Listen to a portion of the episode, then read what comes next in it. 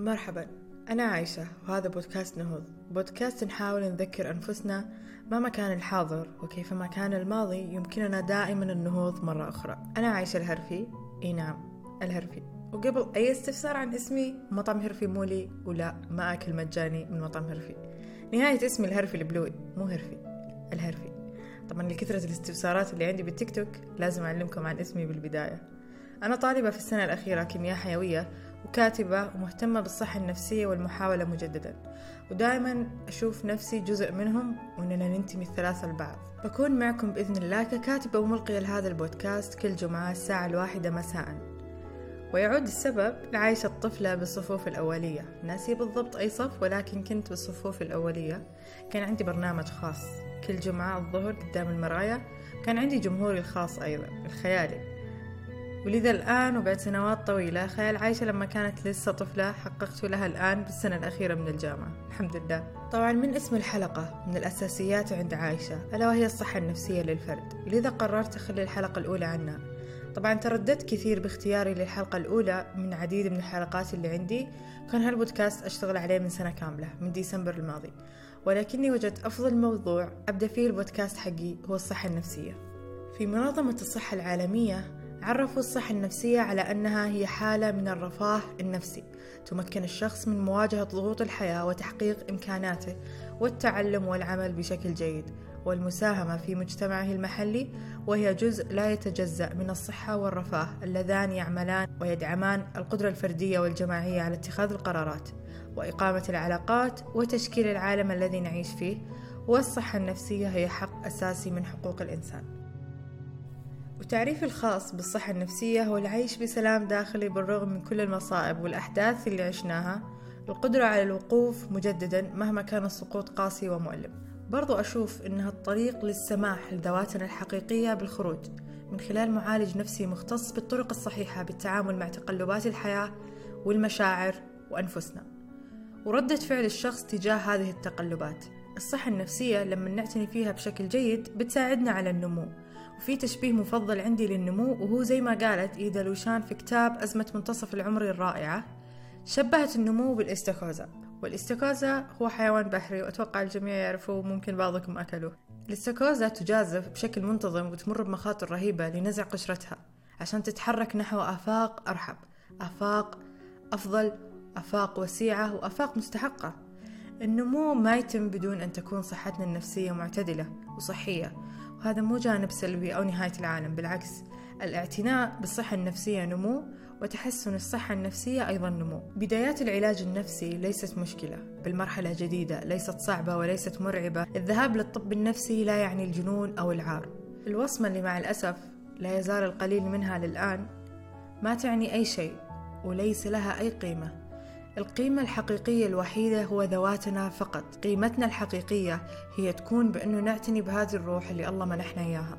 زي ما نعتني بجسدنا نعتني بأرواحنا أيضا. لذا أي شيء نسمعه عن الطب النفسي أو محاولتنا بداية العلاج النفسي من أي شخص خلونا نسمع من هنا ونطلع من هنا. دام الكلام ما كان إيجابي لا نستمع له أبدا. لأن في حالة السقوط الأشخاص المسيئين للطب النفسي ما راح يمدون لكم يد العون بالعكس بيلومونكم أكثر على هذا السقوط. بيقولون ليش طحتوا؟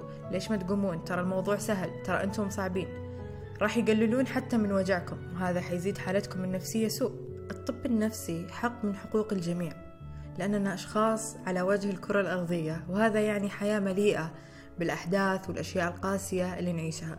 وتترك أثر سلبي جواتنا. ممكن هذا الأثر السلبي يتفاقم لمراحل سلبية لين يوصل لمرحلة رؤية الحياة بشكل سوداوي. هذا شيء سيء جدا. الحياة لا زالت جميلة ولا زالت هناك أماكن جميلة بتزورونها إن شاء الله وأشخاص كويسين بتقابلونهم ومعلومات جديدة تعرفونها وآفاق كثيرة تنفتح أمامكم. لا زال هناك الجمال بغض النظر عن أي قسمة عشناها. جمال الكتب الروايات الطبيعة الموسيقى ممكن جمالكم أنتم كمان وأكيد جمالكم أنتم. جمال كثير كثير قادم. كما قال الله تعالى بالقرآن سورة الشرح فإن مع العسر يسرا إن مع العسر يسرا. وجود المشقة حاصل ووجود الصعاب قابل للحدوث ولكن دوام الحال من المحال. من أنواع التيسير اللي الله عز وجل في علاه يسرها لنا هي الطب النفسي. زي ما مريض القلب يتعالج مريض السكر يتعالج مريض الضغط يتعالج. عافاهم الله جميعا. برضو المتعب نفسيا له الحق بتلقي العلاج أيضا. وتذكروا قول رسولنا الحبيب عليه الصلاة والسلام ما أنزل الله داء إلا أنزل له شفاء. جميع الأمراض النفسية والإضطرابات النفسية لها حل ولها علاج. الشفاء بالله ومن الله وكل أمور الله خير. القرآن والصلاة والطب النفسي كلها دواء. دائما علينا اتخاذ الأسباب والتوكل على الله. كما قال الرسول عليه الصلاة والسلام للرجل اعقلها وتوكل. لما سألوا عن الناقة الخاصة فيه هل يربطها أو يتركها ويتوكل على الله؟ فقال له الرسول عليه الصلاة والسلام اعقلها أي اربطها في مكان ما وتوكل على الله فيحفظها الله لك.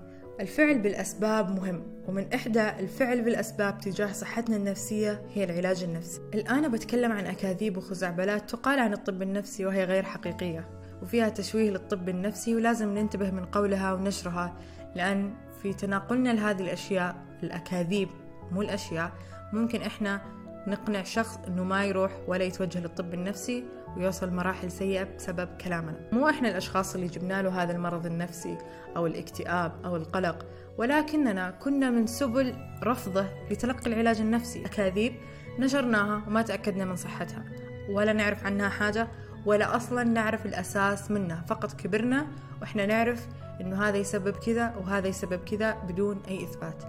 أول حاجة عندنا السمنة. الأدوية النفسية ما تسبب سمنة. الإدمان. الأدوية النفسية ما تسبب إدمان. الأدوية النفسية موجودة عشان تعالج مو عشان تخرب. النعاس.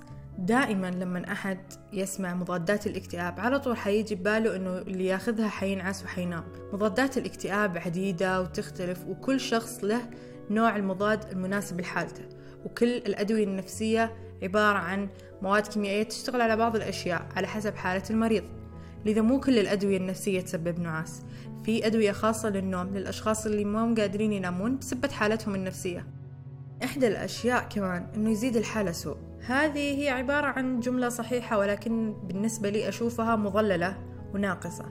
لأنه زيادة الحالة سوء هي فقط في عند تناول الدواء في الشهر الأول غالبا أو شهر ونص. لأن زيادة الحالة سوء هي عرض جانبي صغير ما يحدث للكل بدايات أخذ الدواء إلين يعتاد الجسم عليه وتختفي هذه الأعراض جميعها الأعراض الجانبية حتى الأعراض الأخرى غير زيادة الحالة سوء.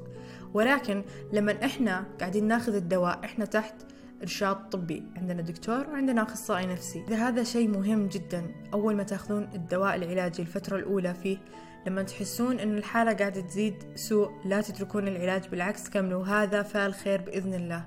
دائما تذكروا ما ضاقت إلا وانفرجت ودائما تذكروا آخر النفق دائما نور وما بعد الصبر إلا الفرج. الأعراض الجانبية في كثير أشخاص خايفين من الأعراض الجانبية ولكن الأعراض الجانبية هي أشياء طبيعية تصير للفرد لأنه هذا دواء جديد سواء كان نفسي أو سواء كان عضوي. بعض الأدوية العضويات كلها أعراض جانبية وجود الأعراض الجانبية ما يعني وله سبب قوي يخليكم ما تأخذون الأدوية. ممكن حالتكم النفسية ما تحتاج علاج دوائي. والآن خلوني أقول لكم إيش الفرق بين الطبيب النفسي والمعالج النفسي وإيش هو العلاج الدوائي والعلاج السلوكي. بشكل بسيط جدا الطبيب النفسي هو اللي يعطينا العلاج الدوائي والمعالج النفسي أو الأخصائي النفسي هو اللي يعطينا العلاج السلوكي. الأخصائي ما حيقدر يعطينا علاج دوائي لأنه مو دارس طب. بالنسبة لي لو تسألوني طب لو أنا أول مرة لي في الطب النفسي لمين أتوجه أول الطبيب ولا المعالج أو أخصائي نفسي؟ المعالج والأخصائي هما نفس المعنى. بالنسبة لي أقول لكم روحوا للأخصائي النفسي لأن الأخصائي النفسي حيعلمكم لو كنتم محتاجين علاج دوائي فيحولكم للطبيب. أما لو كنتم فقط محتاجين علاج سلوكي فيحتاج بس أنكم تكملون معه بناء على العلاج السلوكي بناء على حالتكم بناء على التشخيص. في شيء كمان مرة مهم اللي هو العلاج النفسي الذاتي.